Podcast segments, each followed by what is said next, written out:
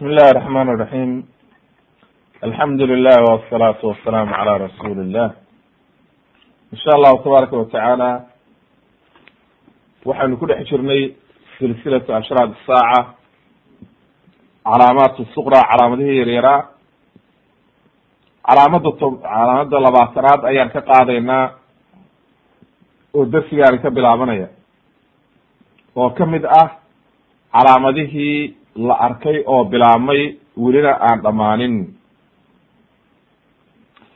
Dhuhur fuxshi wa qadiicat raxim wa suu ljiwaar saddex calaamadood ayay calaamadaani keenaysaa oo qodobkaan aan kaga hadlayna. Fuxshiga waxyaalaha xun ayaa la yihahdaa fuxsh. Alfuxshu huwa kulu ma yashtadu qubxuhu min aldunuubi walmacaasi. Fuxshiga waxaa la yihahdaa sida ibn atir uu ku keenayo annihaaya wax walba oo xun oo waxa weye aad iyo aad u xun dunuubta iyo macaasida. Laakin aad waxaa loogu isticmaalaa alfaaxisha bimacna zina. Haddaba marka khaslo kasta oo xun waa faaxisha fi alaqwaali walafcaal wax walba oo xun ayaa la yihahdaa fuxsh haddaba marka aqwaashina waa gelaysaa acmaashiina waa gelaysaa oo afcaashii bay ka mid noqonaysaa. Qofkii waxxun inuu sameeyo ama waxxun ku hadlo kulli arrintaas oo dhan ayay soo gelaysaa. Haddaba aad iyo aad bu qowlkaas wuxuu ku keenayaa ibn athir fi gariib annihaaya fi gariib alxadiid majlada saddexaad saddex boqol todobaatan iyo laba safxada haddaba faqad intashara alfuxshu bayna kathiiri min annaasi gayra mubalina bitaxaduthi bima yartakibuna min almacaasi ummaddii aad buu fuxshiga ugu batay iyaga oo aan dan ka gelaynin waxyaalaha macaasida oo ay samaynayaan iyagoon dan ka gelaynin ayuu aad iyo aad fuxshigii qowlkoodii iyo waxa weeye afcaashoodiiba ku batay adilada ayaan arkaynaa. Marka insha allahu tabaaraka watacaala raximka qadiicat raxim iyo su ljawaarna waa inoo imaanaya. Lxadiid cabdullahi bni camr radia allahu canhuma cabdullahi bni camr bn caas radia allahu canhu ana rasuula allahi sala allahu alayh wasalam qaal ina allaha yabgudu alfuxsh watafaxush ilaahay waa u caroodaa waxyaalaha xunxun ilaahay aad buu ugu caroodaa wladi nafsu muxamedin biyadihi buu yihi nabiga xadiidkaa wladi nafsu muxamedin biyadihi waa arrin caqiida wey oo min sifaat illahi ka mid a ayaa meesha ku jirta nebigu wuxuu ku dhaaranayaa allihii ay naftaydu gacantiisa ku jirto ee markuu doono qabanaya markuu doonona soo celinaya oo waxa weeye suu doono ugu takrifalaya laa taqumu saaca xataa yukhawana alamin ilaa la aamino qofka khaa'inka oo de awel meshii ninka khaa'inkaa laga carari jiray oo la la doonan jiray qof aamina ayaa waxaa dhacaysa in la aamino ninka khaa'inkaa oo kii aaminka ahaa laga cararo maya waxa weye xataa yukhawana alamin kii aaminka ahaa ilaa la yidhahdo waa khaa'in waa isdamri cafwan. Xataa yukhawana alamin. Ilaa kii aaminka ahaa la yidhahdo waa khaa'in wa yu'taman alkhaa'in kii khaa'inka ahaana la aamino. Macnaha awal waxay ahayd asalku ninka khaa'inkaa inaan la aaminin oo laga cararo oo waxa weye la yidhahdo hebel waa khaa'in kan aaminkaana la aamino wax loo dhiibto oo waxa weye la aamino marka ilaa la khaa- la yidhahdo waa khaa'in oo waxa weye kii aaminka ahaaba la yidha laga cararo ola waa khaa'in kii khaa'inkaana la aamino waa bilcagsi marka. Siday awal ahayd asal. Xataa tad xataa yadhara alfuxshu ilaa uu fuxshigii qowlkii xumaa iyo ereygii xumaa watafaxush iyo isceebayntii iyo wax walba ilaa ay bilaamaan. Oo waxa weeye dadkii ay dhaqan u noqoto inay waxa weye iyaguna acmaashii xumaa sameeyaan dadkana ceebeeyaan. Waatay nebiga caaisha xadiid ku lahayd nebigu faaxishna ma ahayn mutafaxishna ma ahayn. Mid isagu xumaan sameeyana ma ahayn mid dadka ceebeeya oo xumaan waxa weye ka raadiyana ma ahayn. Wuxuu yihi marka nabiga alayh salatu slam xadiiska markuu sii waday wa qadiicatu larxaam waxa weeye arxaamtii oo la gooyo wa suu ljiwaar waxa weye deriskii oo xumaada. Xadiidka imaamu axmed ayaa werinaya fi musnadi iyo cabdirazaq fi musanafi. Waxa weeye walxaakim fi lmustadrak marka xaakim na waa werinaya fi kitaab alfitan ayuu ku werinaya majalada afraad shan boqol konton iyo sagaal xadiidka sideed kun iyo shan boqol lixdan iyo lix. Wa qaala alxaakim markuu wariyey saxiixu lisnaad walam yukharija waxa weye xadiidku waa saxiix buu yihi mana ay soo saarin bukhaari iyo muslim. Wa saxaxahu asheikh axmed shaakir raximahu llah abulashbal axmed shaakir raximahullah ayaa saxiixiyey. Oo xadiidku waa xadiis saxiixa haddaba xadiidkaasi wuxuu inoo caddeeyey inuu fuxshigi badanayo. fuxshigana waxaynu nidhi wax walba oo xun oo ka yimaada oo maaragtay min ala min alaqwaali walafcaal ayaa la yihahdaa laakiin mararka qaarkood fuxshiga waxaa loola jeedaa ama faaxisha haddii la yidhaahdo azina markii kalena waxaa loola jeedaa waxyaalaha xunxun oo dhan.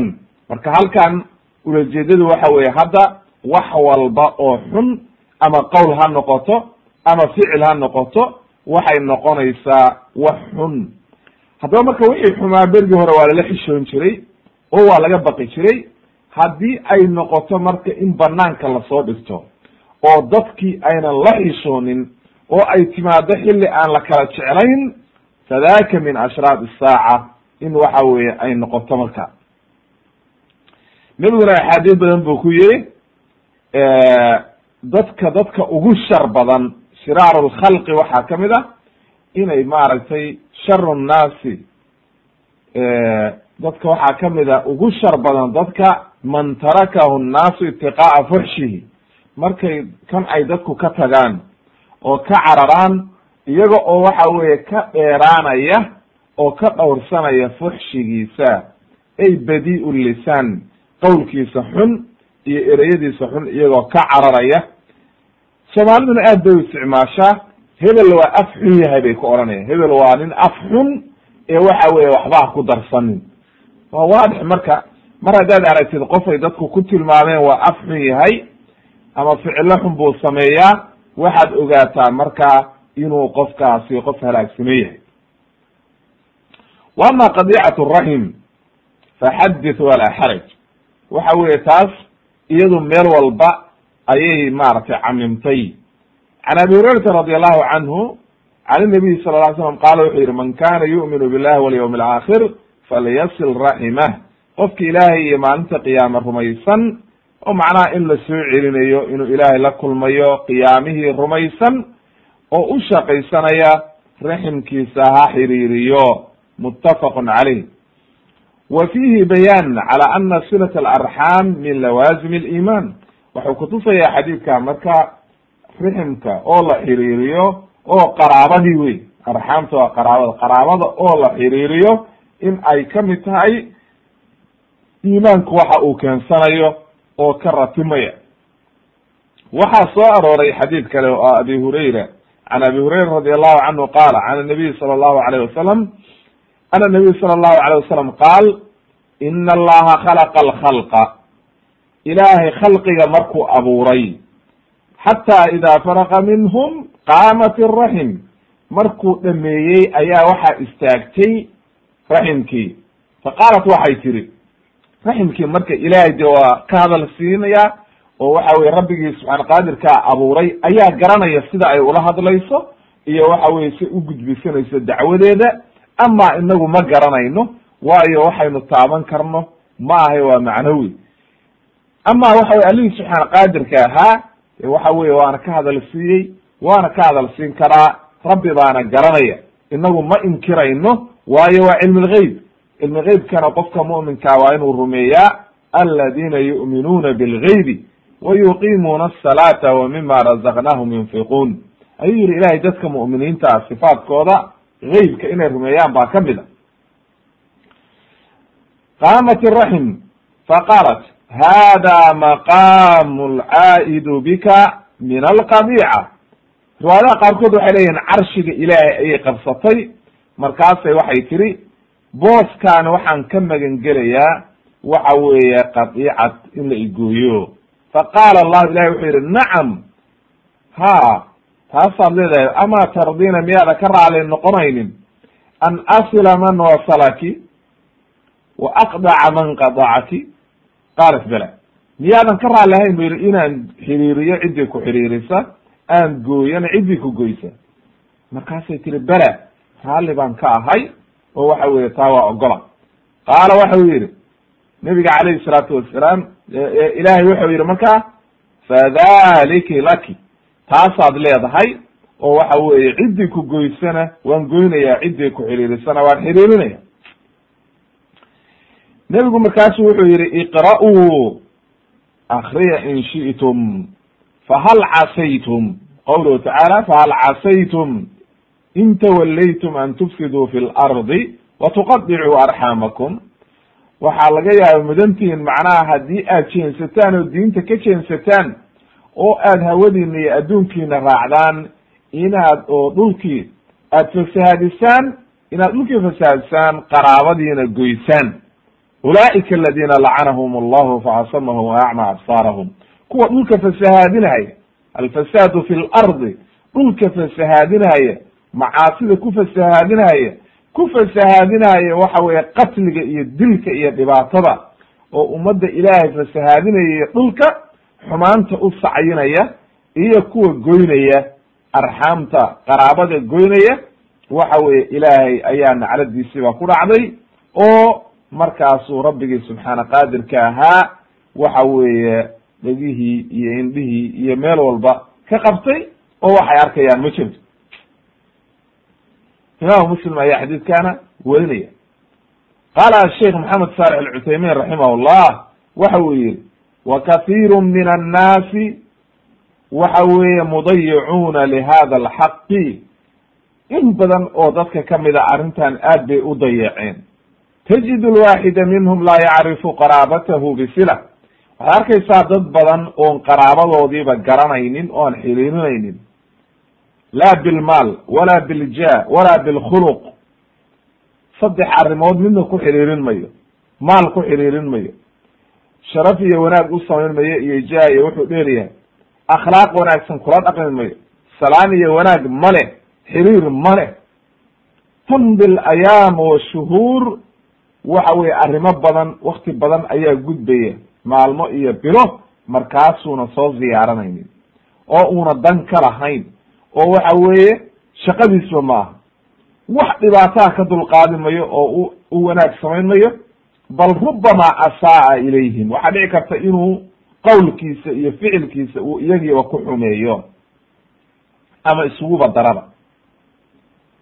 Yasilu lbaciida wayaqdacu lqariib waxaad arkaysaa kaasi haddana inuu dadkii fogaa xiriirinayo oo dad aan shaqo uusan ku lahayn wanaag u samaynayo dadkii qaraabada ahaana aad arkaysid isaga oo goynay. Arrintaasi sababtu marka maxay tahay wa kadalika suu ljawaab sidoo kale sababta marka arrintaa keenaysa inuu qofku qaraabadiisi iyo ehelkiisi iyo kulli saa u galo waxaa asal u ah aljahlu jahliga ayaa asal u ah diintii ilaahay inuu qofku jaahil ka noqdo haddaba marka waxaa loo baahan yaha qofku inuu qaraabadiisa xiriiriyo oo uu ku dadaalo ama in xiriirintii dad badan baa maanta waxay xiriirkii u fahmeen in waxa weeye un waxa weye lacag la siiyo.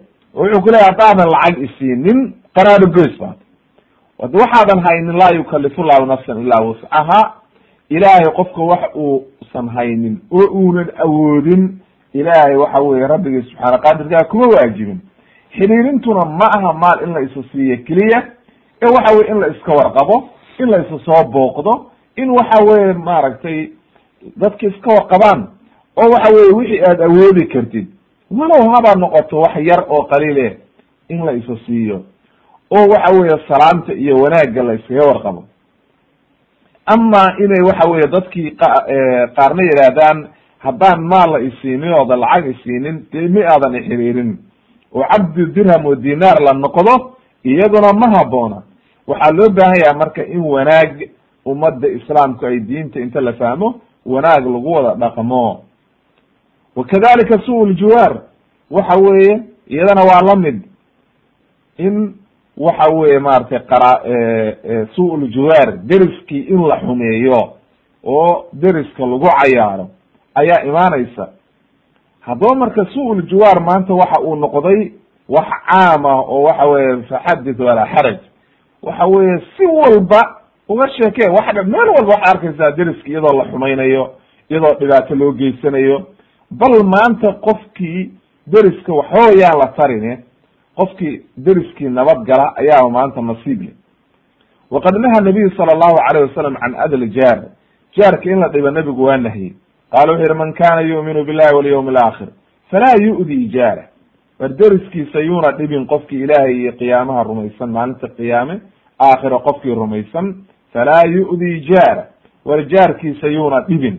Rawahu muslim fi kitaab aliman boqol toddobaatan iyo labo wa amara bilixsaani ila ljaar haddana wuxuu amray markii la laynaga nahayey in deriskii la dhibo ayaa haddana nebigu wuxuu amray in wanaag loo sameeyo man kana yu'minu billahi walyawmi alaakhir qofkii ilaahay iyo iyo maalinta aakhira rumaysan falyuxsin ilaa jaarihi jaarkiisa wanaag ha u sameeya ba lihi haddaba marka jaarkii in la dhibo ma aha imaamu muslim ayaa werinaya fi kitaab aliman fi saxiixi boqol todobaatan iyo afar haddaba halkaa waxaa inooga caddaatay in aan deriska in la dhibo inay xaaraam tahay oo aan la ogolayn in deriskii la dhibo deriska waxaa la rabaa marka wanaag iyo in lagula dhaqmo si wanaagsan in loo dardaarmo in khayr loo gudbiyo in wanaag la taro in laga warqabo wixii dhibaataa oo la soo gudboonaata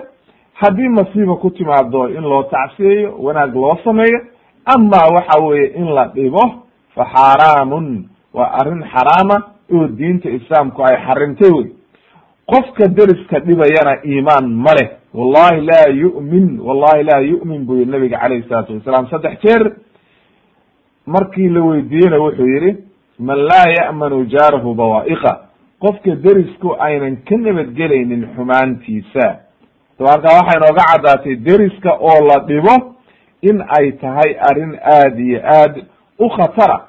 Xadiiskii horena waynu soo marnay ilaa der deriska oo la dhibo inay ka mid tahay min ashraad isaaca haddaba in aad iyo aad looga digtoonaado ayaa loo baahan yahay.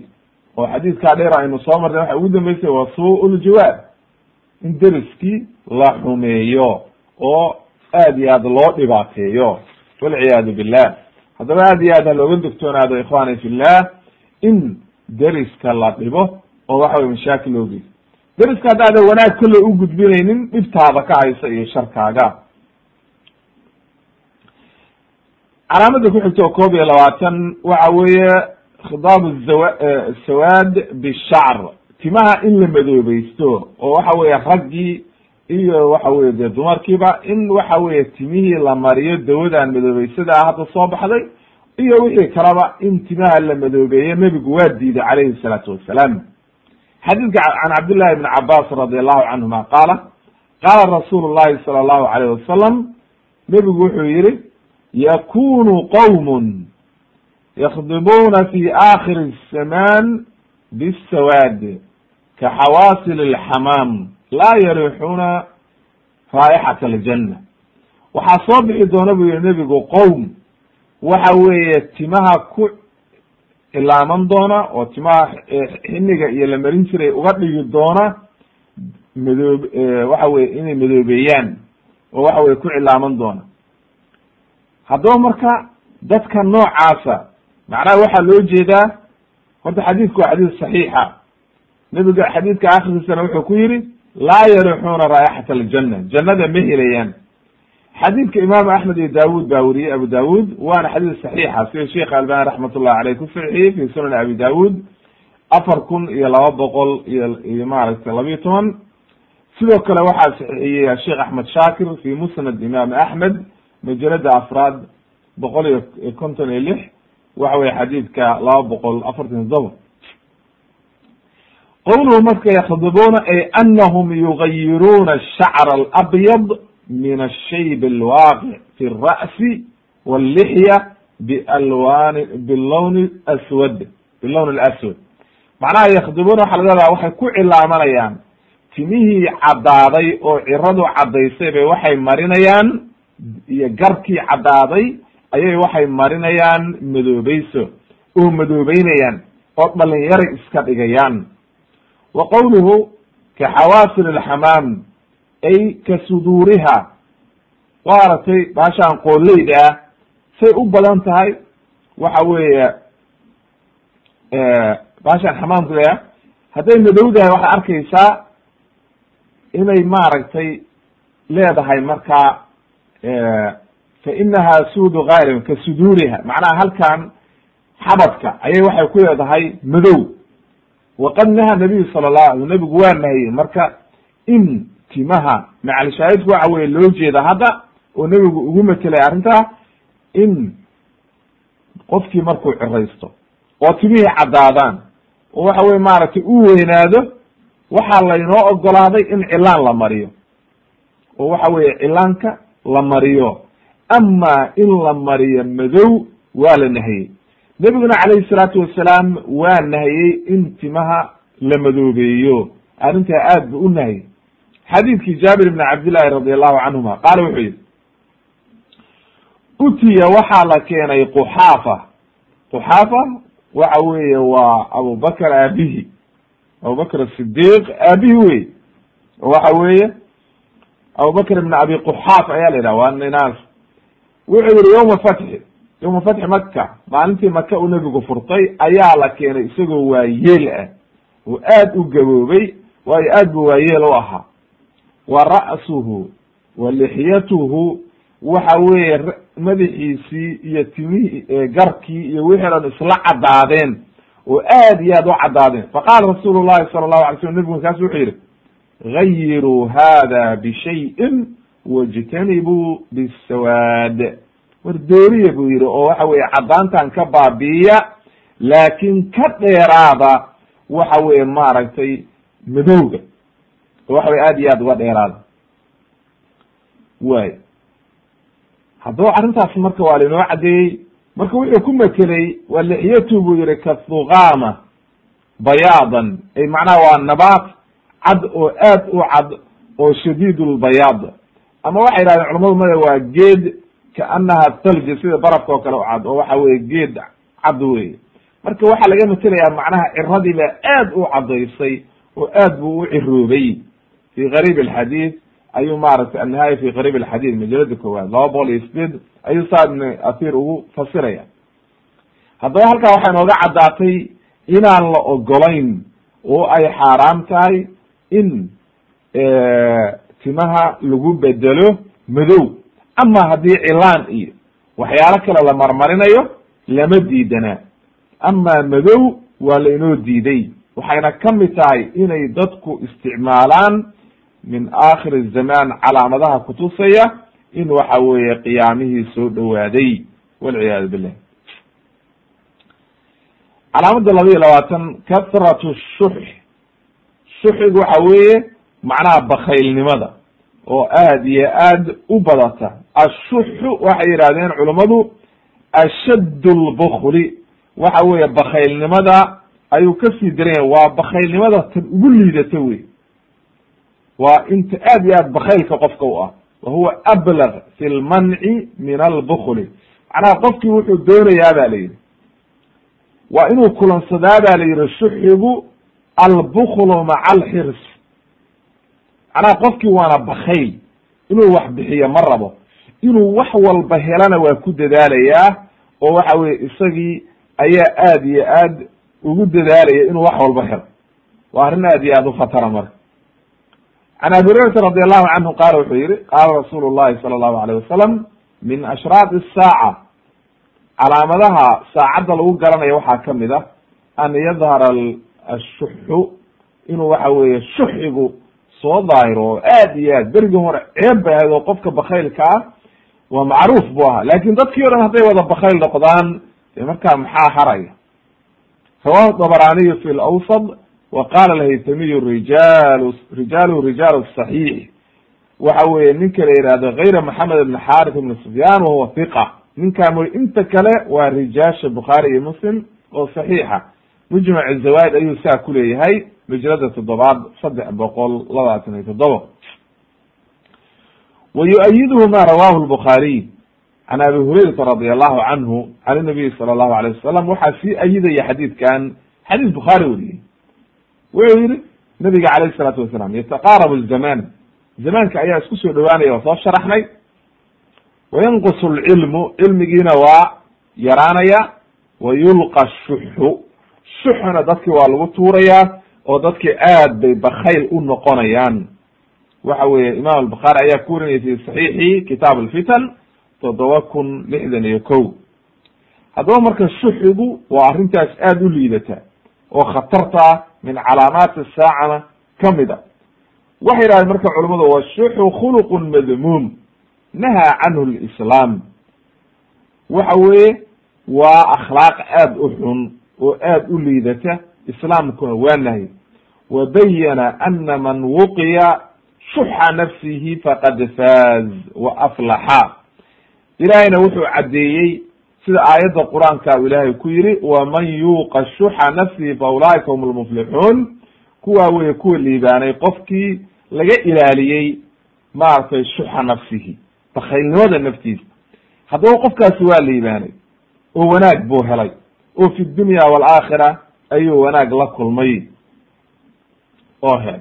Waayo shuxigii hadduu qofkii bakayl yahay hade waxa weye waxba sadaqaysan mayo oo wanaag aakhira geysan mayo dadkii agtoodiina wanaag uma yaalo oo a qofkaa bakaylka wa can jaabir radi allahu canhuma jaabir ibn cabdillah ana rasuula llahi sala allahu alay slam qaala itaqu dulma war dulmiga iska ilaaliya.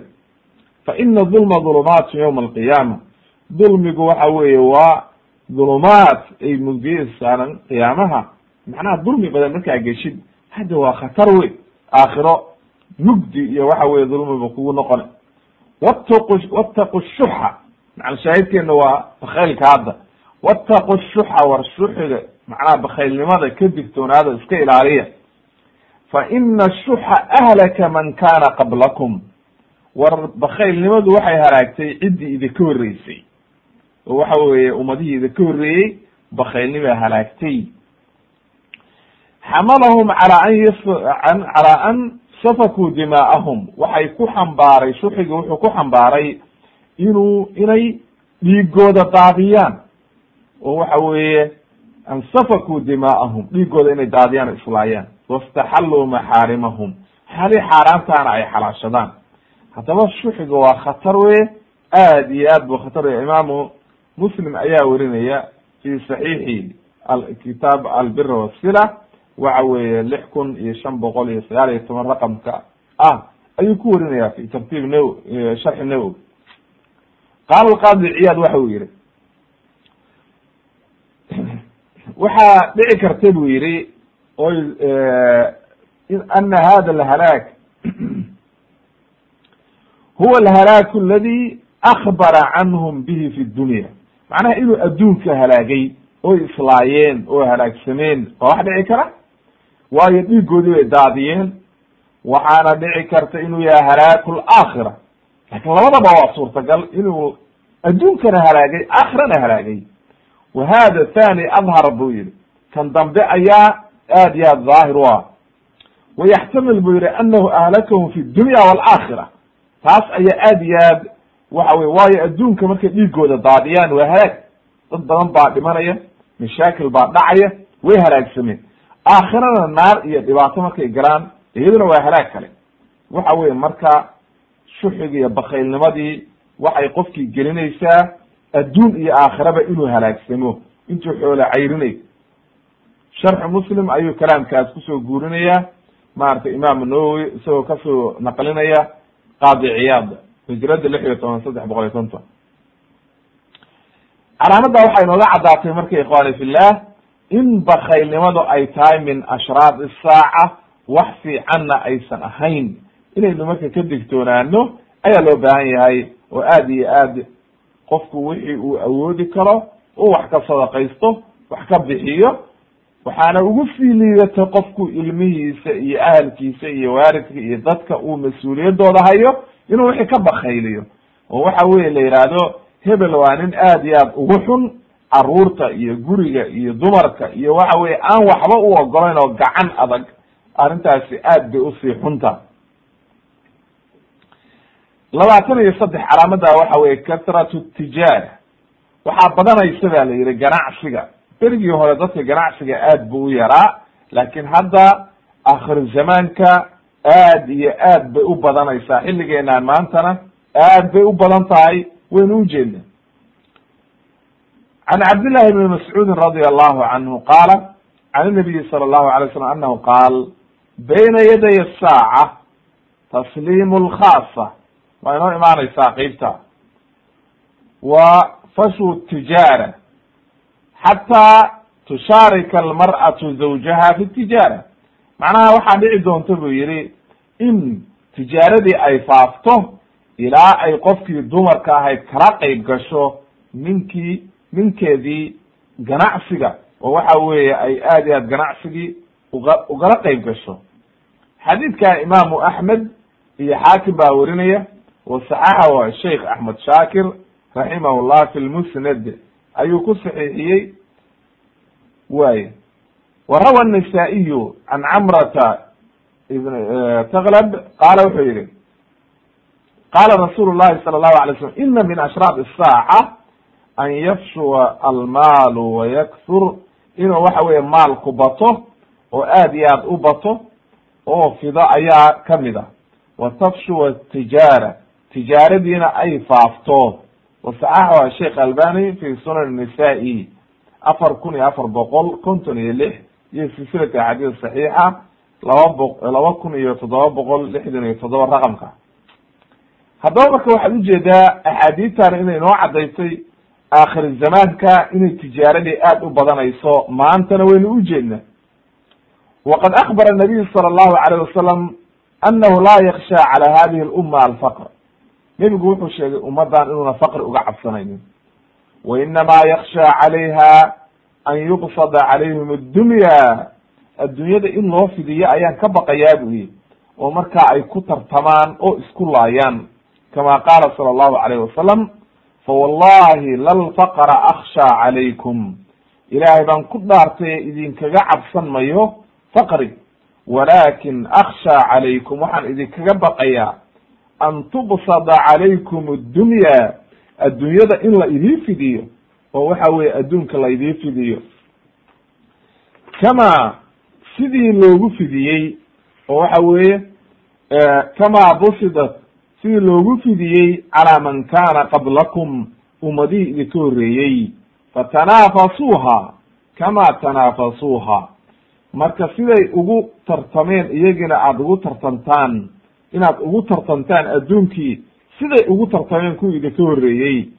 Wa tuhlikakum ay idi halaagto kamaa ahlakathum say i uhalaagtay ay idi halaagto idinkana say iyagii idinka horreeyeyna u halaagtay akrajahu imaamu albukhaari ayaa wariyey raqamka saddex kun iyo boqol konton iyo sideed wa imaamu muslimna waa wariyey fi kitaab azuhdi oo waxa weye fi saxiixi toddoba kun saddex boqol konton iyo ko ayuu ku wariyey iyadoo qiso waxay ku soo aroortay qisadan marka qisadii maalu baxrain aladi jaa aba cubayda ibn ljarax baxrain ayuu maal badan ka keenay oo waxa weye maal aad u fara badan ayuu aba cubayda ninkii la odhan jiray ibn jarax amin hadi lumma ayaa wuxuu ka keenay baxrain maal badan oo waxa weeye la soo aruuriyey oo waxa weye uu keena madiina. Markuu madiine keenay oo masaajidkii nabiga keenay ayaa dadkii aad ugu hanqaltaageen dad badan. Markaasuu nebigu u qeybiyey markuu qeybiyey ama intuuna qaybinba ayuu xadiidkaahi yidhi faqri idinka baqi mayo. Laakin waxaan idinkaga baqayaa in adduunyada la idin fidiyo oo markaa aad ku halaagsantaan si aad adduunye ugu tartamaysaan. Waa waxa maanta ina haysta oo waxa weye adduunye un loo tartamayo oo loo ordayo oo waxa weye adduunyadii ina halaagtay walciyaadu billah. Haddaba ikhwani fillah in laga digtoonaado oo aad iyo aad la isaga ilaaliyo oon adduunyada la israacin ayaa aad iyo aad u muhiim jiddan ah. Waayo qofku hadduu adduunye in israaciyo oo waxa weye aakhiradii ilaawo khatar buu ku dhacaya marka. Calaamadaasna marka waa calaamadaha bilaamay oo aad iyo aad loo arkay welina aan joogsan ayay ka mid tahay. Waayo maanta adduunki un baa loo tartamayaa tijaaro ayaa lagu jiraa rag iyo dumar waa la ordaya. Maca alasaf ashadiid waxaad arkaysaa dumarkii waxay banaysteen waxa weye waxyaalihii laga xarimay waayo intaasoo kilomitr ama intaasoo wadan bay isaga safrayaan iyaga oo raadinaya tijaaro oo waxa weye bilaa maxram soconaya oon wax la soconin rag ah oo maxaarimteeda ayay markaa safraysaa. Iyadoo u safraysa adduunye cayris iyo lacag inay soo xasilayso maca alasafi shadiid waxaa arkaysaa ninkeediina raalli buu uga yahay iyadii buu dirayaa oo wuxuu leeya orod halkaa magaalo heblo tag oo ganacsi. Waxa weye arrintaasina waa arrin aad iyo aad u khatara. Cad oo laga dheeraaday waxa weye markaa maxaarimta ilahay lagu tumtay. Waayo gabar muslimada inay safarto ma banaana laa yaxilu limra'atin tu'minu billahi walyawm alaakhir an tusaafira biduni maxram. Nebiga calayhi salatu salaam waa caddeeyey gabar muslimada inay safarto waa ka xaaraan ilaahay iyo qiyaamaha rumaysan iyadoon maxramkeedii la socon inay safarto waa xaaraan. Daba ilaahay laga baqo gabdhaha muslimaadka rabbigii abuurtay ha ka cabsadeen ha iska joojiyeen safarka noocaas. Ilahay qof walba wuxuu u qoray waa helaya. Oo waxa weye gurigeeda hadday joogto rabbigii subxaana qaadirka ninka ayaa laga rabaa inuu waxyaalahan la yimaado isagoo ha safro ha socdo ha shaqeeyo. Laakin waxa weye gabadhii hadduu yidhahdo safar oo soco oo waa dhibaato wey calaamada afar iyo labaatan waxaan ku keenaynaa takalum aruwaybida nimanka la aruwaybida iyo dadka liita wa culuw safa sufla. Macnaha dadkii hooseeyey inay kor maraan. Ruwaybidana ay hadasho. Gadaal baan ka sharaxaynaa maxaa loo jeedaa? Alruwaybida can anas ibn malik radi allahu canhu qaala wuxuu yihi qaala rasuulu llahi sala allahu alayh wasalam ina ina amaama dajaal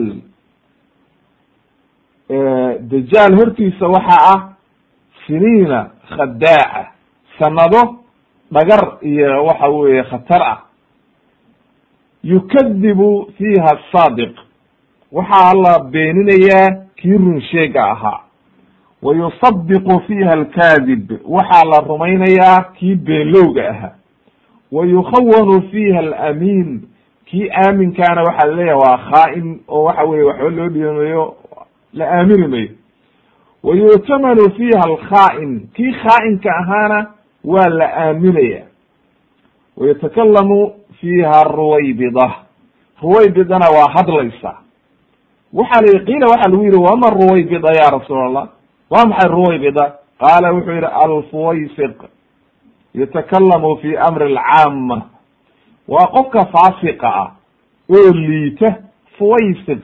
Macnaha waa la sii yareeyey tasgiir.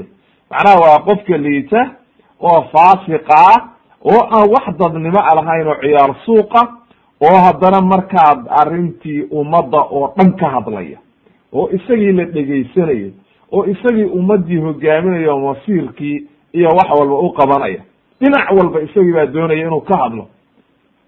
Rawaahu imaamu axmed baa werinaya raqamka kun iyo saddex boqol sideetan iyo saddex wa qaala alxaafid ibn xajar akrajahu axmed wa abu yacla walbazaar wa sanadahu wa sanaduhu jayid waxasanahu sheekh albani raxmat ullahi caleyh fi sai silka acdad saxiixa majalada afraad shan boqol iyo sagaal ee ku saxiixi haddaba xadiidkaa wuxuu ina baray dajaal inta una soo bixin.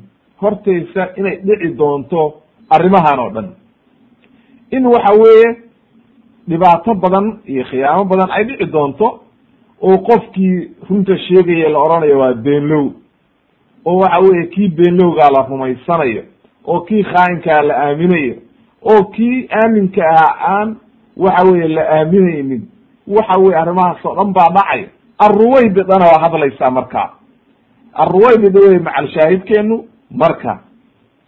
Warawa ibnu maaja waxa uu wariyey abu hurayra bilafdin sata'tii cala annaasi sanawaatun khadaacaatun sanado badan oo la isdhagri doono oo khiyaamo iyo dhagar ayaa imaan doonta ibnu maaja warinaya.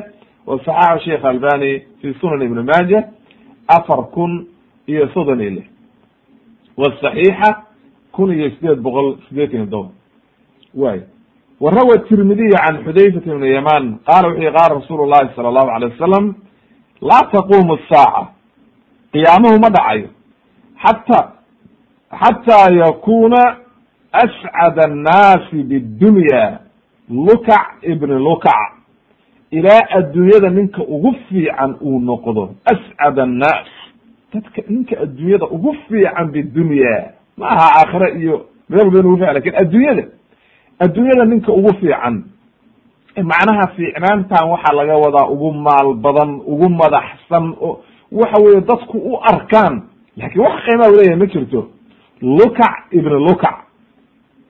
Lukac waxa la yihahdaa horta xadiidku waa saxiix oo waxaa sunan abi sunan tirmidi ayuu ku saxiixinaya sheikh albani raxmat ullahi laba kun iyo laba boqol iyo sagaal ma macna lukac marka? Allukac cinda alcarab waxaa la yihahdaa alcabdu addoonka.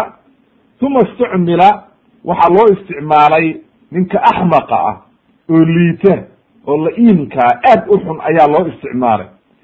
Qaarna waxay u isticmaalaan alwasak ninka qurunka ah oo aad u liito oo baktiga ayaa loo isticmaala. Waqad yudlaqu asfaqiir iyadoo loo jeedin xumaan ayaa ciyaalka yararkaa la yidhahdaa lukac fa in udliqa cala alkabiir. Haddii qofka weyn lagu idlaaqo la yihahdo waa lukac waxaa loo jeedaa uriida bihi asagiiru alcilmi waalcaqli macnaha caqligiisa iyo cilmigiisa yar cilmina male oo waa jaahil.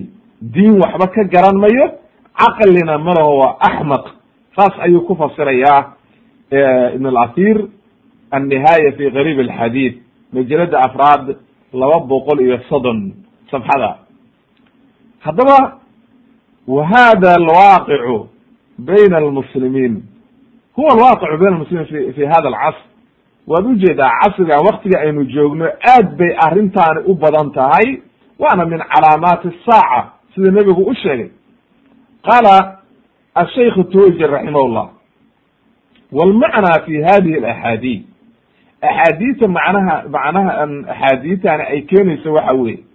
Ana almaal fi aakhir الzaman yataxawal fi aydi alli'am bani li'am macnaha maalka adduunka waxa weeye waktigan aakhir zamaanka maalkii waxaa gacanta ku dhigaya dad xun oo liita aabbayaashood iyo waalidkoodna ay liiteen wa anahum yakunuuna ascad annaasi binaciimi dunya wa maladaatiha adduunka macnaha iyagii baa raaxaysanaya oo ninkii fiicnaa xoola ma haysto wuxuu ku raaxaysta male laakiin ninkaani wax walba ayuu helaya oo adduunkiibu ku raaxaysanaya madaxna waa noqonaya marka maalkii iyo madaxnimadii iyo wixii oo dhan ayaa isugu darmanaysa haddaba marka halkaa waxaa ka caddaatay in oo waxa weeye arrintaasi ay khatar tahay oo min calaamaati saaca ay ka mid tahay in dadka liita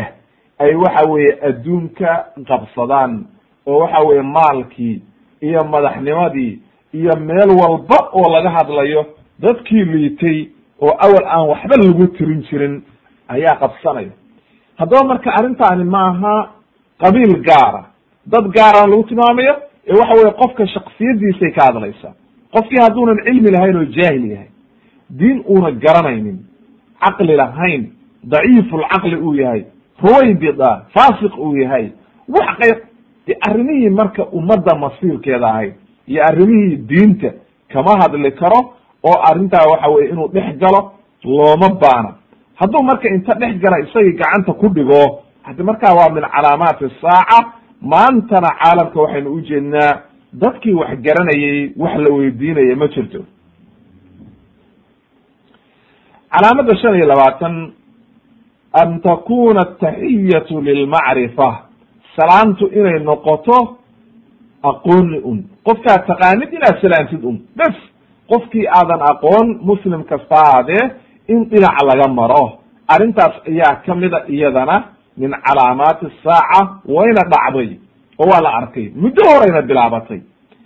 Can ibni mascuudin radia allahu canhu qaala wuxuu yihi qaala rasuulu llahi sala allahu alayh wasalam bayna yaday asaaca tasliimu lkhaasa waxaa dhici doonta qiyaamaha intaan la gaarin in dadku si khaasa la isku salaamo tijaaraduna ay badato ilaa xataa taciina almar'atu zawjaha cala atijaara oo waxa weeye ay ku caawiso naagti ninkeedii tijaaradii.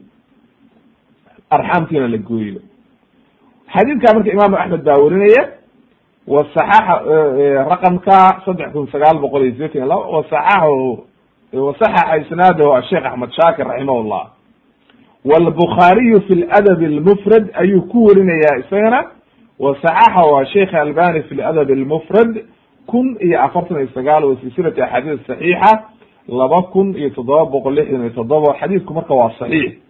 Wa fii riwaayatin ina min ashraat isaaca an yusallima arajulu cala arajul laa yusallimu calayhi ila lilmacrifa.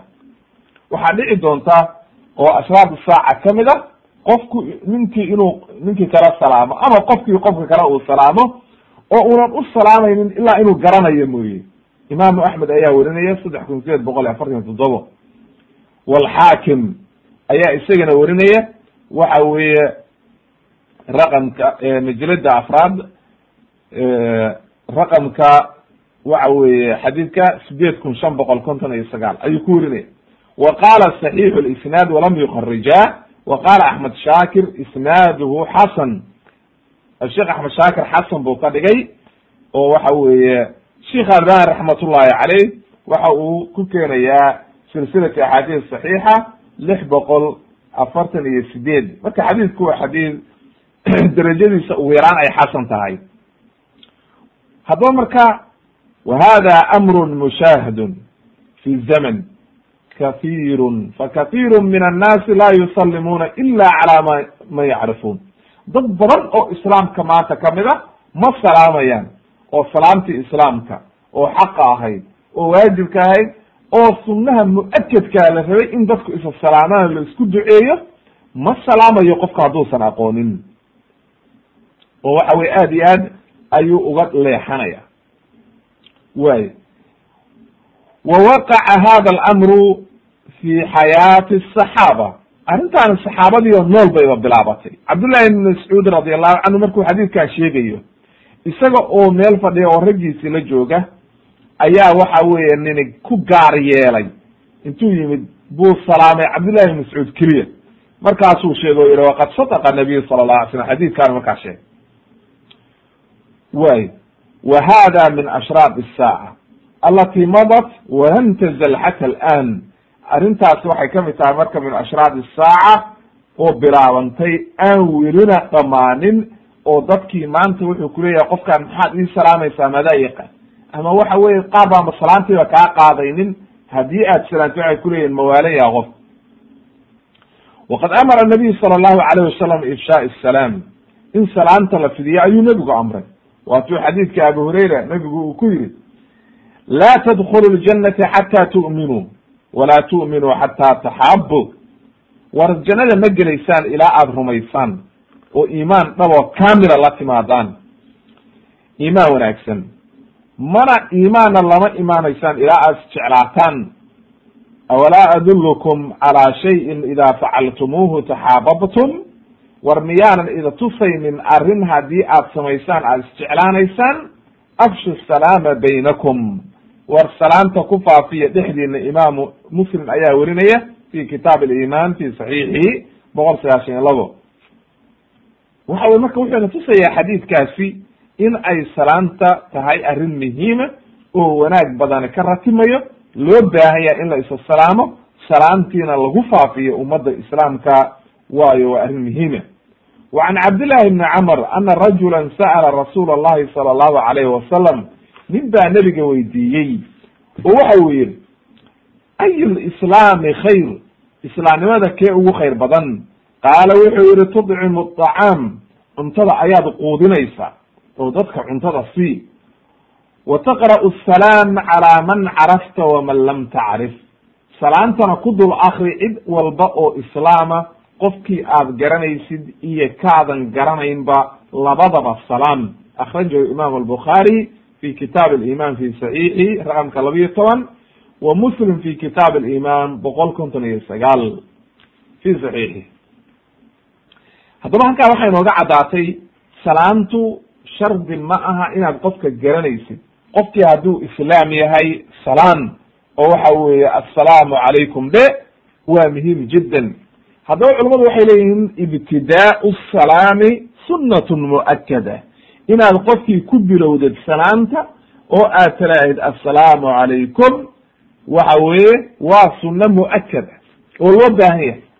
Ama radd salaam. Qofkii hadduu ku salaamay inaad radidid oo aad tiraahid wacalaykum assalaam ama wacalayka assalaam waajib wey waayo sababtu waxa weye ilaahay baa oranaya waidaa xuyitum bitaxiyatin faxayuu biaxsana minha ow rudduuha waxa weye ilahay wuxuu leya haddii layda salaamo salaamtii lagu salaamay oo kale qofkii ku salaam ama mid ka fiican? Maxnaa mid ka fiican ku salaam faxayuu biaxsana minha salaan ka wanaagsan matalan culamaduna waa fasira waxay yihahdeen assalaamu calaykum haddii lagu yihahdo waxaa dhahdaa wacalaykum assalaam waraxmat ullahi wabarakaatu haddaadan dhahaynin ow rudduuha ey dheh wacalaykum assalaam sidii lagu salaamay usalaam oo waxa weye salaamtii ha ka aamusin haddaba qofka haddii la salaamo inuu salaamo qofkii waa waajib haddii kale waa dembaabay waxay marka culummadu ku cadaynayaan oo leeyihiin laakiin haddii dadkii jamaaco yahay oo meel ay fadhiyaan oo qof u yimaado uu salaamo ama jamaaca u timaado hal qof hadduu salaamo hal qofna ka radiyo waxa weye waa ka gudaysa. Waayo nebigaa yihi calayhi salaatu wasalaam waxaa ka gudayaa jamaacadii. Haddii uu hal qof salaamo dadkii fadhiyey waxa weeye markaa hal qof hadduu radiyo way ka gudaysaa marka kulligeen inaan hal mar wada dhaano wacalaykum assalaam ma aha muhiim laakin muhiimaddu waxa weye in salaantii laga radiyey qofka. Calaamadaasina waa la arkay oo dadki maanta aad bay ugu badan tahay. Calaamada lix iyo toban salaanta marka laga hadlayana waxa weeye waa salaanta islaamka iska waran iyo ma aha. Iyo see la yahay iyo xaalkiina ka warrama iyo taasi waa sheeko kale iyo iswaraysi ba la yihahda laakin salaanta laga hadlayo waxa weeye assalaamu calaykum waraxmat ullahi wabarakaatu weliba xadiis baa sugnaaday uu nebigu leeyahay qofkii haddii uu inan ida salaamino uu sheeko kale iska bilaabo hala hadlinina. Oo waxa wey waayo salaamtii buu ka tegey. Ciqaabha looga dhig lix iyo labaatan calaamada iltimaasu lcilmi cinda alasaaqir cilmigii oo laga doono dadkii yaryaraa maxaa loo jeedaa marka culummada ayaa inoo cadaynaysa waxyaalaha loo jeedo iyo macnaha laga wado asaaqir waxaa la weydiiyey oo waxa weeye su'ila alimaam cabdullah ibn mubaarak imaam almuxadithiin cabdullah ibn mubaarak ayaa la weydiiyey can ilasaaqir maxaa laga wadaa? Faqaala wuxuu yihi aladiina yaquluuna bira'yihim waxa weeye kuwa ra'yigooda ku jawaabaya oo aan daliil iyo adile iyo u noqonaynin oo sunnaha iyo kitaabka aan raacaynin kuwaasaa laga wadaa. Fa ama sagiirun yarwi canhu kabiirun falaysa bisagiir. Amaa nin yar in cilmigii laga qaato cilmi bartay oo cilmi leh oo waxa weye laga weriya markaa sagiirnimo maaha. Way haddaba marka waxaa laga wadaa qofkii jaahilka ahaa oo aan diin garanaynin oo cilmi ulahayn oo ra'yigiisa fadwoonayay in cilmiga laga qaato. Waxa weye arrintaasi waa min calaamaati saaca. Way waa tuu nebiga calayhi salatu salaam xadiidkii inoo soo hormaray oo aynu xadiidkii dheeraa markii uu nebigu yihi calayhi salaatu wasalaam ina allaha laa yaqbid alcilma intizaacan yantazichu min alcibaad ilahay cilmiga ku qaban mayo inuu dadka ka siibo laakiin y wuxuu ku qabanayaa biqabdi alculamaa. Akhirkiisa waxay ahayd xata ida lam yabqa caalimun itakada annaasu ru'uusan juhaala. Fasu'iluu faaftow bigayri cilmin fadalluu waadalluu macnaha aakhirka ugu dambeeya xadiidkaasa inoo caddeeyey dadkii markii qofkii jahala soo hadho mid jaahila ayaa diintii iska fadwoonaya oo dadkii madax u noqonaya o fadwoonaya dadkiibuu dhuminaya isna waa dhumaya taasaa laga wadaa marka iltimaasu lcilmi cinda alasaaqir waa dadka juhalada in cilmiga laga doonto ayaa min calaamaati saaca ka mid. Rawaa imaam cabdallah ibn mubaarak bisanadihi can abi umaya umayata aljumaxiyi waxa uu ka weriy radi allahu canhu ana rasuula allahi sala allahu alay slam qaala inuu yihi nebigu inuu yihi ina min ashraaqi saaca talaatan saddex saacadood saddex calaamadood ayaa ka mid ah ixdaahuna mid kamida waxay ahayd an yultamasa alcilm cilmigii in laga doono cinda alasaagir dadka yar yar ay macnaha cilmigoodii baa yar yar walow ha weynaadeen oo sideetan jiraba ha ahaadeene kitaabu zuhdi ayuu ku wariyey ibnu mubaarak waxa weeye xadiidka ko lixdan iyo kow wasaxaxa sheikh albani fi saxiix iljaamic laba kun iyo laba boqol iyo toddoba markii la weydiiyena saasuu ku tilmaamay cabdullahi ibnu mubaarak uu yihi waxa weeye waa kuwa ra'yigooda fadwoonaya ee aan cilmi iyo adile iyo diin aan fadwoonaynin sidoo kale mar kale waxa uu yihi cabdullahi ibn mubaarak markuu ahlu bidaca ka hadlayey ataahum alcilmu min qibali asaagirihim yacni ahli lbidac waxa uu leeyahay waxaa kaloo cilmigii ahlulbidaca markuu ka hadlayey cilmigiiba wuxuu uga yimid xagga dadkii yaryaraa ay ahlubidaci ayay cilmiga ka qaateen ee dadkii cilmiga lahaa iyo diinta kamay qaadan. Fi kitaabi zuhdi ayuu saa ku leeyahay safxada soddon iyo ko zuhdi ibn mubaarak wa can cabdillahi bn mascuudin radi allahu canhu qaala wuxuu yihi laa yazaal annaasu bkhayrin waa qowl cabdillahi bn mascuud radi allahu canhu laa yazaal annaasu bkhayrin dadku khayr kama zuulayaan ma ataahum alcilmu min asxaabi muxamedin sala allahu alay wasalam cilmiga intay ka qaadanayaan saxaabadii nebiga calayhi salaatu wasalaam wa min akaabirihim iyo dadkooda cilmiga leh araasikiina fi lcilmi faida ataahum alcilmu min qibali asaagirihim dadka yaryar xaggooda markii cilmigii ka yimaado watafaraqat ahwaa'uhum hawadooduna ay iskhilaafto halakuu way halaagsameen marka waxaa werinaya qowlkaasna cabdullahi ibn mubaarak fi zuhdi waxa weeye raqamka sideed boqol iyo shan iyo toban haddaba waxay inoo cadaynayaan saxaabadii qowlka cabdullahi ibn mascuud iyo waxa weeye imaam cabdullahi ibn mubaarak iyo axaadiituba in loo jeedo asaakirta in laga wado dadka yaryar waa dadka aan cilmiga lahayn oo juhalada ah oo bidcada iyo ra'yigooda raacaya. Marka laba qoloba way noqonaysaa inuu qofkii ahlu bidac yahay oo dadkii u fadwoonayo bidco iyo waxa weeye waxaan diinta islaamka shaqo ku lahayn. Noocay doontaba ha noqoto oo waxa weeye bidcadii qowl bay noqon kartaa ficil bay noqon kartaa waxa weeye caqiiday noqon kartaa kulli waxaasoo dhan ayay soo gelaysaa. Haddaba marka qofkii u fadwoonaya dadkii waxaan diinta islaamka ka mid ahayn ama waxaan saxaabadii lagaga dayanaynin iyo nebiga calayhi salaatu wasalaam iyo kitaabka iyo sunnaha calaa fahmi salaf asaalix ridwan ullahi calayhim dariiqaas waxaan ahayn qofkii fadwooda wuxuu noqonayaa cinda alasaakir dadkii yaryaraa oy macnaha haba weynaadee cilmigiisiiba aya laakin qofka da'diisa kuma xira qofkii da'diisii ha yaraato hadduu mar ku taagan yahay dariiqii nebiga calayhi salaatu wasalaam kitaabka iyo sunnaha dariiqii saxaabada hadduu mar ku taagan yahay lama oranayo wuu yar yahay. Waayo isaga haddii da'diisii yar tahay oo cumrigiisii yar yahay dariiqa uu ku taagan yahay iyo waxa uu kuu soo naqlinayo ayaa aad u weyn. Waayo qofka min ahli sunna waljamaca waxaa lagu yaqaanaa oo aad iyo aad u wanaagsan oo culummadu ay yidhaahdaan cazwu lqowli ilaa qaa'ilihi. Macnaha qowlka aad soo naqlinaysid inaad u tiirisid ciddii lahayd. Mathalan dulaabulcilmiga saasaa laga rabaa iyo ducaadaba. Qowlka uu qofku deliishanayo ciddii uu ka soo qaatay inuu u tiiriyo.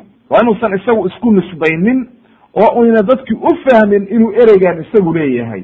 Mathalan markaad markii la sharaxayo waa in qowl walba loo tiiriyaa qofkii lahaa. Cabdullaahi ibnu mascuud baynu hadda nidhi qowlkiisii ha iska oranin adigii ha isku tiirinin akhi fillah. Oo ha oranin dadku wanaag ka zuuli mayaan intay saxaabadii nebiga u noqonaya bal waxaad dhahdaa cabdullahi ibn mascuud waxaa laga wariyey inuu yiri saas iyo saas. Waayo arrintaas ayaa wanaaggu ku jira. Ama ahlu bidaca waxaa lagu yaqaanaa qofkii qowlkii inta ka soo qaataan inaynan u tiirin oo ay qariyaan oo naftooda u nisbeeyaan si loo yidhaahdo cilmi buu leeyahay oo waxa weye markaa riya u yimaado walciyaadu billah. Arrintaasi waa arrin aad iyo aad u khatara haddaba waxaa la rabaa qofka haddii cilmigiisi yar yahay inuu aad cilmigii lama koobi karo inuu waxa weeye ka dhowrsado aqwaashii inuu aad iyo aad isugu dayo qowl walba qofkii lahaa inuu u tiiriyo oo waxa weye uu caddeeyo inuu hebel ka soo qaatay qowlkaa ee unan isagu lahayn. Uuna ku dadaalo cidda uu qowlka ka qaadanayo inay noqoto waxa weeye cidda ku taagan dariiqa xaqa alkitaaba wasunna cala fahmi salaf asaalix ridwan ullahi calayhim wa cala fahmi araasikiina fi lcilmi fi zamanina macnaha inuu qofku xilli walba oo la joogo culamaau raasikiina fi lcilmi inuu ku xiraabo sida culummada waaweyn iyo kutubtooda loo noqdo aqwaashooda la raaco taas ayaa looga baxayaa waxa weye halaaga iyo fitanka iyo waxa weye jahliga ilaahayna wuu calaamada toddobiya labaatan waxa weeye dhuhuru lkaasiyaat alcaariyaat waxaa soo bixi doona oo aad iyo aad haddana u soo baxay gabdho dumar alkaasiyaat dhar bay qabaan alcaariyaat waana qaawan yihiin. Waxaana arrintaas ay waxa weeye aadaabtii shareecada islaamiga aha ayay ka dhex baxayaan oo markaa ay noqonayaan dhar bay qaadanayaan waxa weeye jirkoodii uu ka muuqdo oo waxa weye ay qaawan yihiin. Xadiidkii an ibni cumar radia allahu canhuma qaala wuxuu yihi can inabiy sala allahu alayh wasalam qaala wuxuu yihi sayakunu fi aakhiri ummatii ummadayda aakhirkeeda waxaa ka mid noqon doona nisaa'un dumar kaasiyaatun dharqaba caariyaatun qaaqaawan calaa ru'uusihina ka asnimati lbukti almaa'ila macnaha riwaayad kalea almaa'ila ku daraysa laakiin riwaayaddaana ku dari mayso waxa weye calaa ru'uusihina madaxyadooda waxaad moodaa macnaha oo lagu tilmaamayaa sida buktiga waa geela waa hasha weynaatay goosha ah oo kaleo kurusku leexdo kuruska geela marku hore markuu dhalinyarada yahay waa toosan yahay laakiin markii hadhow ay weynaato oo baruurtu ka badato hasha goosha ah kurusku waa qalloocdaa oo waxa kuruskaa qalloocda. Marka nebigu wuxuu ku tilmaamayaa madaxyadooda waxaad moodaa hashaa kurusku qalloocday oo kale.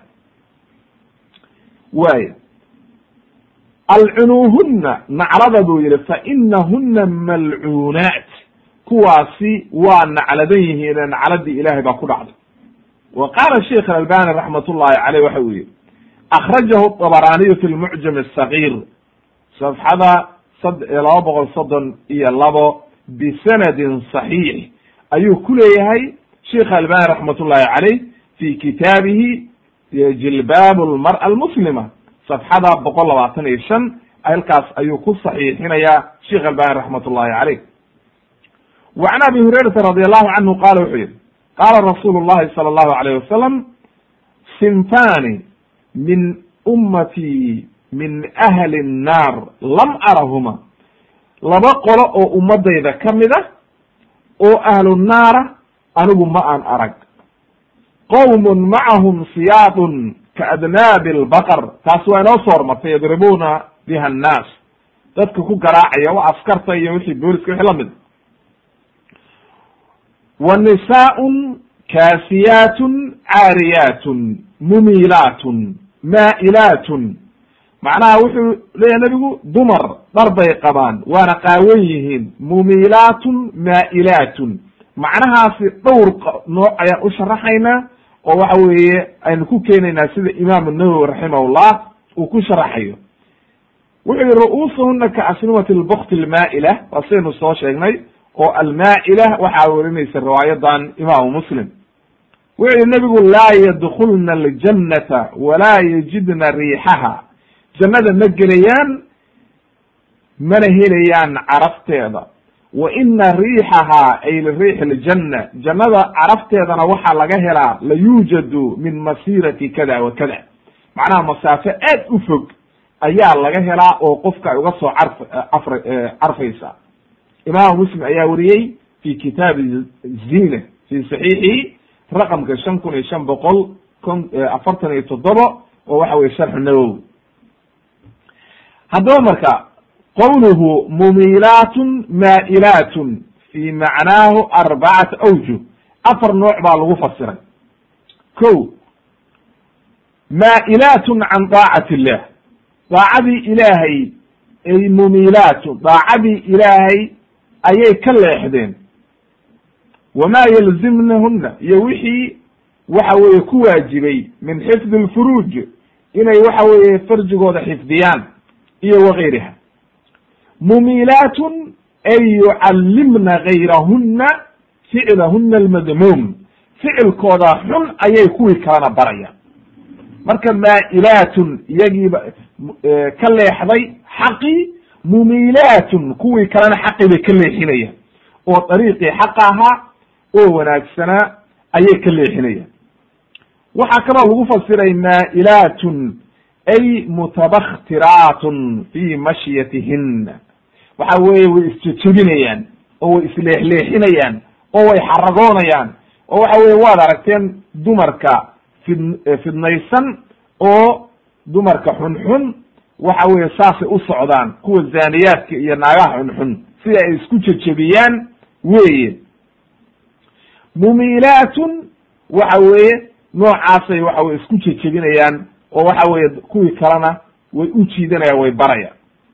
Midda saddexaad waxaa la yihi maa'ilaatun yatamashadna almishyata mishdata almila ay wahuna albagaaya waxay u soconayaan sidii naagihii xunxumaa oo dhalooyinkaa oo aada u liitay oo iyaga ayaa isjejebintaa lagu yiqiinay inay saa u socdaan oo isqalqaloociyaan ayaa lagu yiqiinay waayo sidoo kale dadki gabdhihii kalena saasay barayaan. Waxaa kaloo lagu fasiray maa'ilaatun ay ila arijaal raggii ayay u leexanayaan oo waxa weeye ay raggiibay u leexanayaan oo u janjeersanayaan mumiilaatun lahum. Raggiina way soo jiidanayaan. Waxa ay u muujinayaan quruxda iyo ziinada. Intaasoo dhan culammadu way ku fasireen iyo keyrkoodba wa macnaa ru'uusuhuna ka asnimati lbukti almaa'ila ay waxa ay badinayaan ba la yidhi. Imaam nawowi wuxuu leeyahay madaxooda ayay waxay ku duuduubayaan dhar. Markaasay madax dheer samaysanayaan ayuu maaragtay imaamu nawowi raximahullah uu leeyahy waxa uu ku sharaxay. Waad aragteen waa berigii soomaalidaba way soo martay mar la oran jiray itaageerka iyo madaxa inta wax lagu duuduubo madax dheer oo marya lagu duuduubay oo waxa weye markaa isjejebinayaan w waynu aragnay. Qaal imaam nawwi raximahullah wuxuu yihi hada alxadiidu min mucjizaati nubuwa waqad waqaca haadani sinfani wahuma mawjudaani labadan noocba waa la arkay. Naagihii xumxumaa oo wada qaawan waxay yidhahdeen diric baad arkaysaa waa diric bay yidhahdeen beer qariya bay u bixiyeen waa beer muujiye calooshii baa muuqata beerkeedii baa muuqda jirkeedii oo dhan baa muuqda diric khafiifa bay qaadatay dariiqay maraysa yay isku soo qaawisay marka oo cawradeeda banaanka u soo dhigtay waa jahli wey haddaba arrinta noocaasa waa arrin aad iyo aad u khatara oo nacladii ilaahay ayaa ku soo degaysa wa fiihi damu haadayni sinfayni. Waxa weeye haddaba labadaa qoloba oo waxa weeye raggaas dadka laynaya oo askarta oo dadka dhibaya iyo qoomkanba labadaba. Dumarkaba waxa weye arrintaa way ku soo deg alxamdulilah hadda xijaabkii markii la qaatay dumarkii in badan way ka baxeen arrintan. Ilaahay ha ku sugo inta dhimanna ilaahayga subxaana qaadirka ha ku hanuuniyo.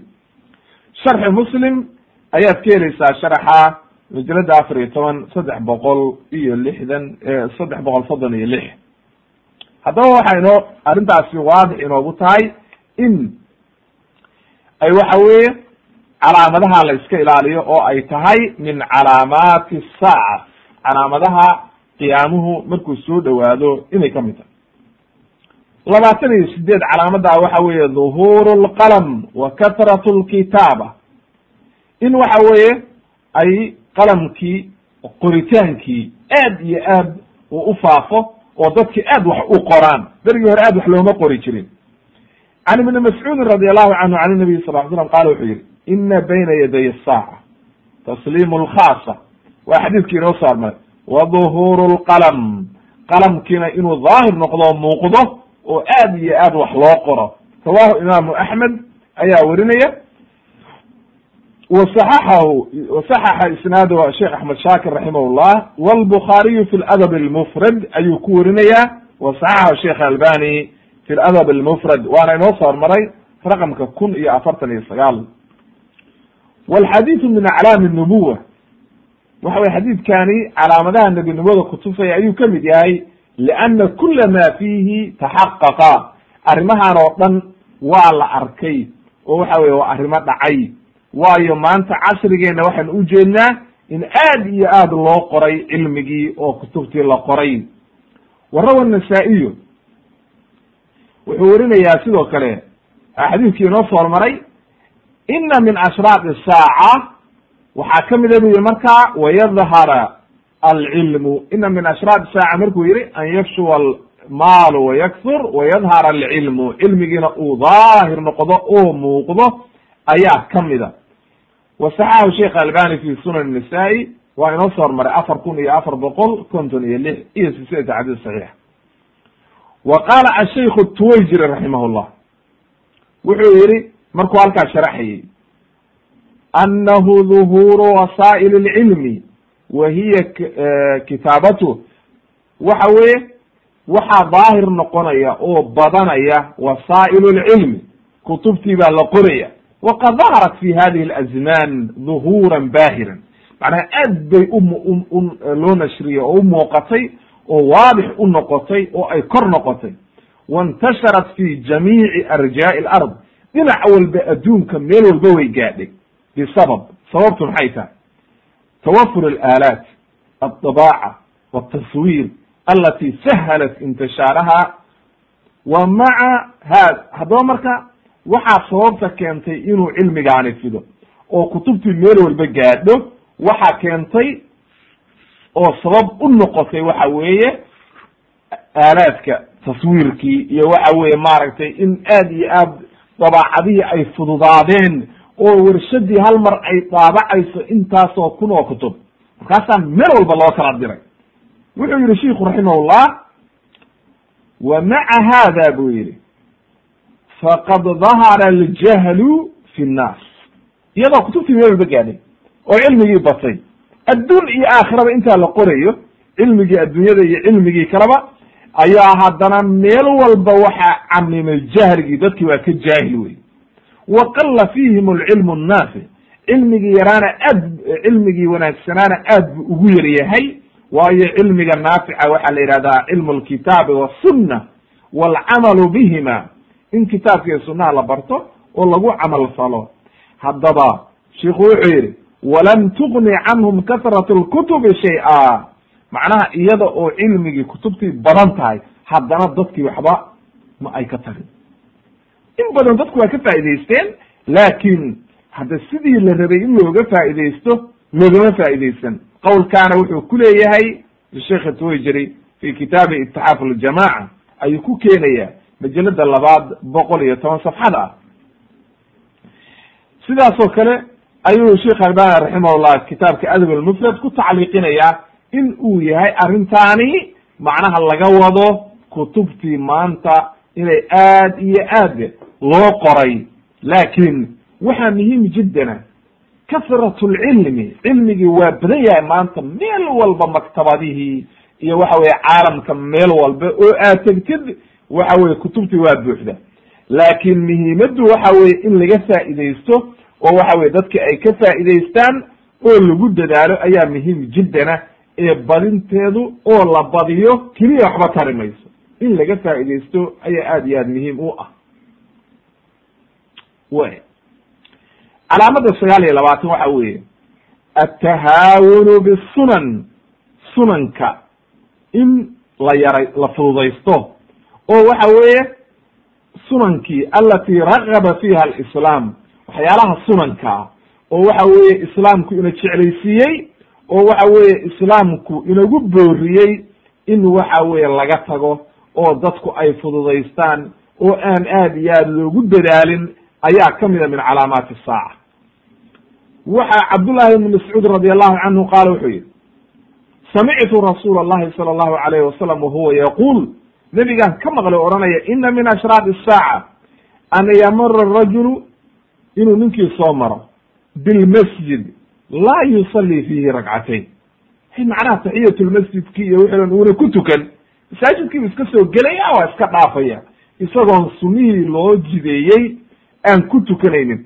Xadiidkaa waxaa wariyey ibn khusayma fi saxiixihi ayuu ku wariyey baabu karaahiyati lmuburi muruuri fi lmasaajid min gayri an yusalli fiiha walbayaanu anahu min ashraaq isaaca majalada labaad ee laba boqol iyo sideetan iyo saddex ilaa laba boqol sideetan iyo afar haddaba halkaa marka waxaad u jeedaa in aynan habboonayn in masaajidkii la soo maro waayo imaam ibn khusayme asheikh ibn khusayme wuxuu u baabeeyey inay karaahiye tahay oo xun tahay min ashraaqi saacana ay ka mid tahay masaajidka qofku intuu soo maro inuu iska dhex maro unan taxiyatulmasjid ku tukan waa arrin wanaagsan ma aha.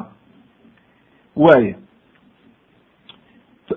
marka saxiix ibnu khusayma taxqiiqa doctor maxamed mustafa alacdami ayaa maaragtay ka helaysa wa callaqa calayhi sheikh albani raximah llah wa qala fi isnaadihi isnaaduhu daciif walakin lahu ow ligaalibihi turuqun ukra wuxuu yihi xadiidka sanadkiisu waa dacfi baa ku jira oo waa daciif laakiin wuxuu leeyahay duruq kale oo saxiixa waxaanan ku cadeeyey buu yihi silsilati axaadiis saxiixa majalada labaad laba boqol konton iyo saddex raqamka lix boqol afartan iyo sagaal ana lahu duruqan ukra can ibn mascuud yuqawi bacduha yataqawaa biha.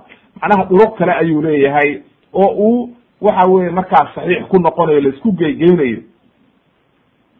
Waayo culummadu waxay yidhahdaan xadiidka sanadkiisu hadduu daciif yahay duruq kalena leeyahay. Haddaan mutahim been lagu tuhmayo uuna ku jirin duruqdiisa yuqawi bacduha bacdan. Marka xadiidkii saxiix ama xasan ayuu tegaya sidoo kale marka xadiidka wuxuu ku saxiixiyey sheikh albani raximahullah fi saxiix iljaamic waxa weye raqamka shan kun iyo sideed boqol sagaashan iyo lix wa cazaahu abaraniyu fi lkabiir wuxuuna u tiiriyey aabarani fi lkabiir ayuu u tiiriyey. Marka waxaad ka helaysaa xadiidka saxiix ljaamic iyo tacliiqa sheikh albani uu tacliiqiyey saxiix ibni khusayma raqamka kun iyo saddex boqol labaatan iyo lix. Adaba cala kuli xaal xadiidku waa xadiis saxiixa oo waxa weeye sugan weye waxaynuna ka qaadanaynaa fahamka uu u baabeeyey ibni khusayma fi saxiixihi baabu karaahiyati lmuruur macnaha inay karaahiye tahay. In la soo maro masaajidkii oo aan lagu tukan oo la iska dhex maro. Waa arrin karaahiye ah. Waana min ashraaqi saaca inay arrintaasi badato. Marka way dhici kartaa qofkii mar uu ama degdegsan yahay ama uu arrin leeyahay laakin waxaa laga hadlayaa inay badato oo dadkii waxa weye ay isticmaalaan oo arrin macruufa noqdo wa can anas ibni malikin radi allahu canhu can inabiyi sala allahu alayh wasalam qaala min iqtiraabi saaca qiyaamaha oo soo dhawaado waxaa ka mid a wa badan qaar buu sheegay inoo soo hormaray wuxuu kamida buu yihi marka wa an yut wa an yutakada almasaajidu turuqan.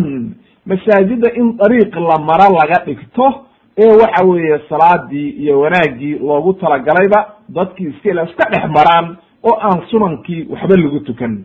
Waxasanahu asheikh albani raximahullah fi saxiix iljaamic shan kun iyo sideed boqol sagaashan iyo sagaal iyo alrawd annadiir waxa weye boqol iyo toddoba wa silsilati axaadiis saxiixa laba boqol laba kun iyo laba boqol sagaashan iyo labo.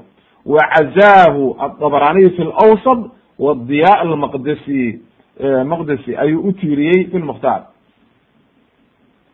waya haddaba arrintaasi marka arrin waxa weeye aan banaanayn weye fa ina tacdiim almasaajid min shacaa'ir illah masaajida in la weyneeyo waxa weye shacaa'irta ilaahay. Weye wa ina dalika calaama calaamat aliman calaamad iimaan iyo taqwa ayaa maaragtay lagu garanayo qofka ayay ka mid tahay. Kama qaala tacaala waman yucadim shacaa'ir allah fa inaha min taqwa alqulub qofkii shacaa'irta ilaahay weyneeya taqwadiisa ayay kutusaysaa qalbiga ku jira ayay ka mid tahay haddaba waxaa loo baahan yahay yajibu tacdiim almasaajid masaajida in la weyneeyo oo lagu tukado oo sunankii lagu oogo ayaa loo baahan yahay laakin in laga dhigto dariiq la iska maro cala asafi shadiid dad baa hadda arkaysaa qiila waqaala la soo aadaya oo ka dhigtay masaajidkii meesha la isugu yimaado oo lagu sheekaysto looma baahno waxyaalaha noocaasa masaajidka waa in cibaado loo soo aado iyo diin iyo waxa weeye dalabulcilmi ee aan loo soo aadin qiila waqaal iyo waxa weye marata waxaan loo baahnay. Calaamada soddonaad. Waxay odhanaysaa katrat lkadib wa cadamu tathabuti fi naqli fi naqli alakhbaar beentii oo badata oo waxa weeye qofkii uunan suginba waxa uu soo naqlinayo. Beentii intay iska badatay ayuu leeyahy waa la yiri waa la yiri waa la yiri maba maba sugayaba yaa yiri iyo sanadka iyo meeshii laga keenay midna ma suganayo.